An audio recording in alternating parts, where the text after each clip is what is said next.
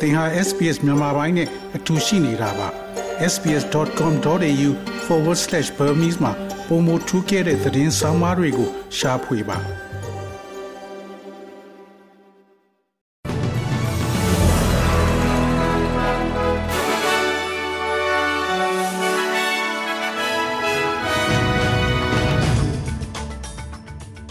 တော်ရရှိများယနေ့ February လ9ရက် ဗုဒ္ဓဟူးနေ့အတွက် SBS Newsflash သတင်းထူးများကိုတင်ဆက်ပေးမှာဖြစ်ပါတယ်။ကျွန်တော်က Terrell Ong ပါ။ယနေ့အတွက်ထိတ်တန့်သတင်းများညွန်ပေါင်ပါတီကအခွန်ဖြတ်တောက်မှုကိုထောက်ခံမယ်လို့ပြောအတိုက်ခံခေါင်းဆောင်ပီတာဒန်တန်ကညွန်ပေါင်ပါတီက Federal အစိုးရကြီးညာထားတဲ့အဆင့်သုံးအခွန်ဖြတ်တောက်မှုအစီအမံကိုထောက်ခံရန်ဆုံးဖြတ်လောက်ကြောင်း February လ6ရက်နေ့ဒီနေ့မှာပြောကြားလိုက်ပါတယ်။ အခွန်အပြောင်းအလဲများအောက်မှာဒေါ်လာတစ်သိန်းငါးသောင်းအောက်ဝင်ငွေရှိသူများသည်ပိုမိုအခွန်ဖြတ်တောက်ခြင်းခံရမှာဖြစ်ပြီးထိုပမာဏနှင့်အထက်ရရှိသူများသည်အကျိုးခံစား권များဆက်လက်ရရှိနေမှာဖြစ်ပြီးမူလအဆင့်သုံးအဆိုပြုချက်အောက်တွင်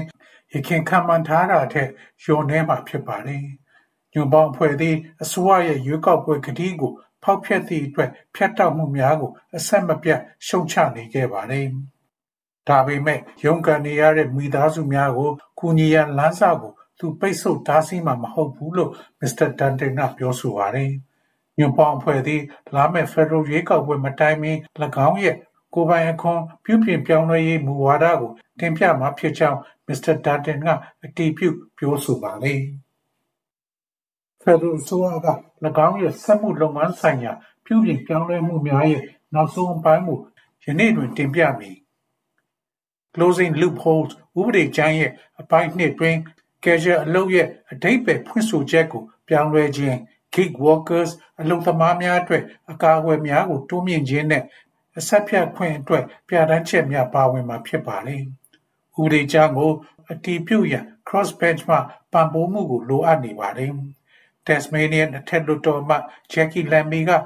စီးပွားရေးလုပ်ငန်းတွေအပေါ်သက်ရောက်မှုရှိမှာကိုစိုးရိမ်တယ်လို့ပြောဆိုပါတယ်။ လုပ်ငန်းရှင်တွေကိုယ်တိုင်ကဒါကိုအပြင်မှာတကယ်ကိုခက်ခက်ခဲခဲလုပ်နေရတာဖြစ်ပြီးတစ်နှစ်ပတ်လုံးပိုကောင်းလာမှာကိုကျွန်မမမြင်ပါဘူး။ Red Tape ကိုလျှော့ချခြင်းတယ်လို့ထွက်လာတဲ့တစုံတစ်ယောက်ဒါမှမဟုတ်ပါတီတစ်ခုအတွက်ဒီဥပဒေမူကြမ်းရဲ့အစိတ်ပိုင်းတချို့ဟာအမှန်တကယ်ပဲ Red Tape တွေကိုထိတ်တမ်းမှထားပြီးဒါဟာ Australia စီးပွားရေးလုပ်ငန်းတွေတက်မလိုအပ်ဘူးလို့ကျွန်မထင်ပါတယ်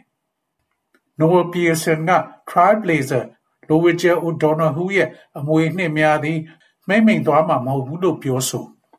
Noel Pearson က Trailblazer Louisa O'Donoghue ရဲ့အမွေအနှစ်များသည်မှိတ်မှိန်သွားမှာမဟုတ်ကြောင်းနဲ့ဌာနေတိုင်းရင်းသားအသိုင်းအဝိုင်းကဝမ်းနည်းကြေကွဲကာ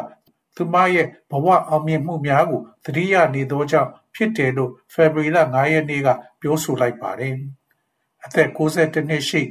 Adelaide နေအိမ်တွင်ကွယ်လွန်သွားသောယာကွန်ဂျာရာအမျိုးသမီးအတွက်နိုင်ငံရေးအသိုင်းအဝိုင်းတွေမှာဂုဏ်ပြုထောပနာများပြုလုပ်ခြင်းများဖြင့်ထပ်နေပါတယ်။ဒေါက်တာဒေါ်နယ်ဟူသည်သူနာပြုတဦးဖြင့်လေ့ကျင့်သင်ကြားရာပထမဆုံးသော Aboriginal လူမျိုးဖြင့်ကြော်ကြားခဲ့ပြီး ASIC ဟုခေါ်သော Aboriginal and Torres Strait Islander Commission ရဲ့တည်ထောင်သူဥက္ကဋ္ဌဖြစ်တာဝန်ထမ်းဆောင်ခဲ့တဲ့သူမအခမ်းကဏ္ဍများအတွက်လူသိများကြပါတယ်။ Cape York Partnership ကိုတည်ထောင်သူ Noel Pearson ကဒေါက်တာဒေါ်နယ်ဟူးကိုနိုင်ငံရဲ့အကြီးမြတ်ဆုံးသောဌာနေခေါင်းဆောင်ဖြစ်အမှတ်ရခဲ့ပါတယ်။ယခုအခါဖျက်သိမ်းခံရသော Aboriginal and Torres Strait Islander Commission သည်အစိုးရအားအကြံဉာဏ်များပေးခဲ့ပြီးဌာနေတိုင်းသားအတိုင်းဝိုင်းများသို့အစီအစဉ်များနဲ့ရန်ပုံငွေများပေးဆောင်ခဲ့ပါတယ်။လူငယ်တရားရုံးများ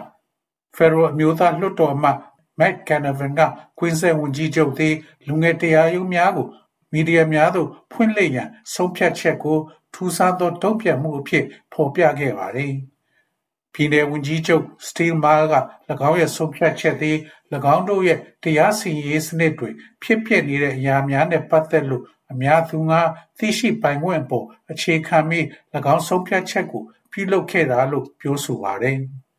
သူ့အဖွားကိုဓားနဲ့ထိုးသတ်တယ်လို့စွပ်စွဲခံထားရတဲ့ Queensland အသက်16နှစ်အရွယ်အမျိုးသားတခုကို အာမခံနဲ့ပြန်လွှတ်ပေးခဲ့ပြီးနောက်ပိုင်းတွင်ဒါကထွက်ပေါ်လာတာဖြစ်ပါတယ်။ Mr. Canavan က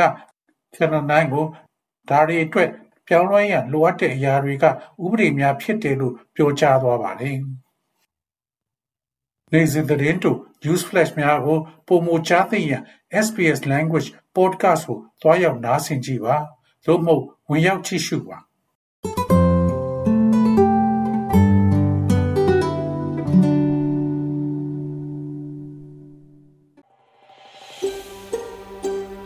ဒါမျိုးသတင်းဆောင်မာတွေကိုပိုနားဆင်လိုပါလား Apple Podcast Google Podcast Spotify တို့မှာသင်ပင်ရာဖြစ်ဖြစ်ရယူတဲ့ podcast ကနေပါ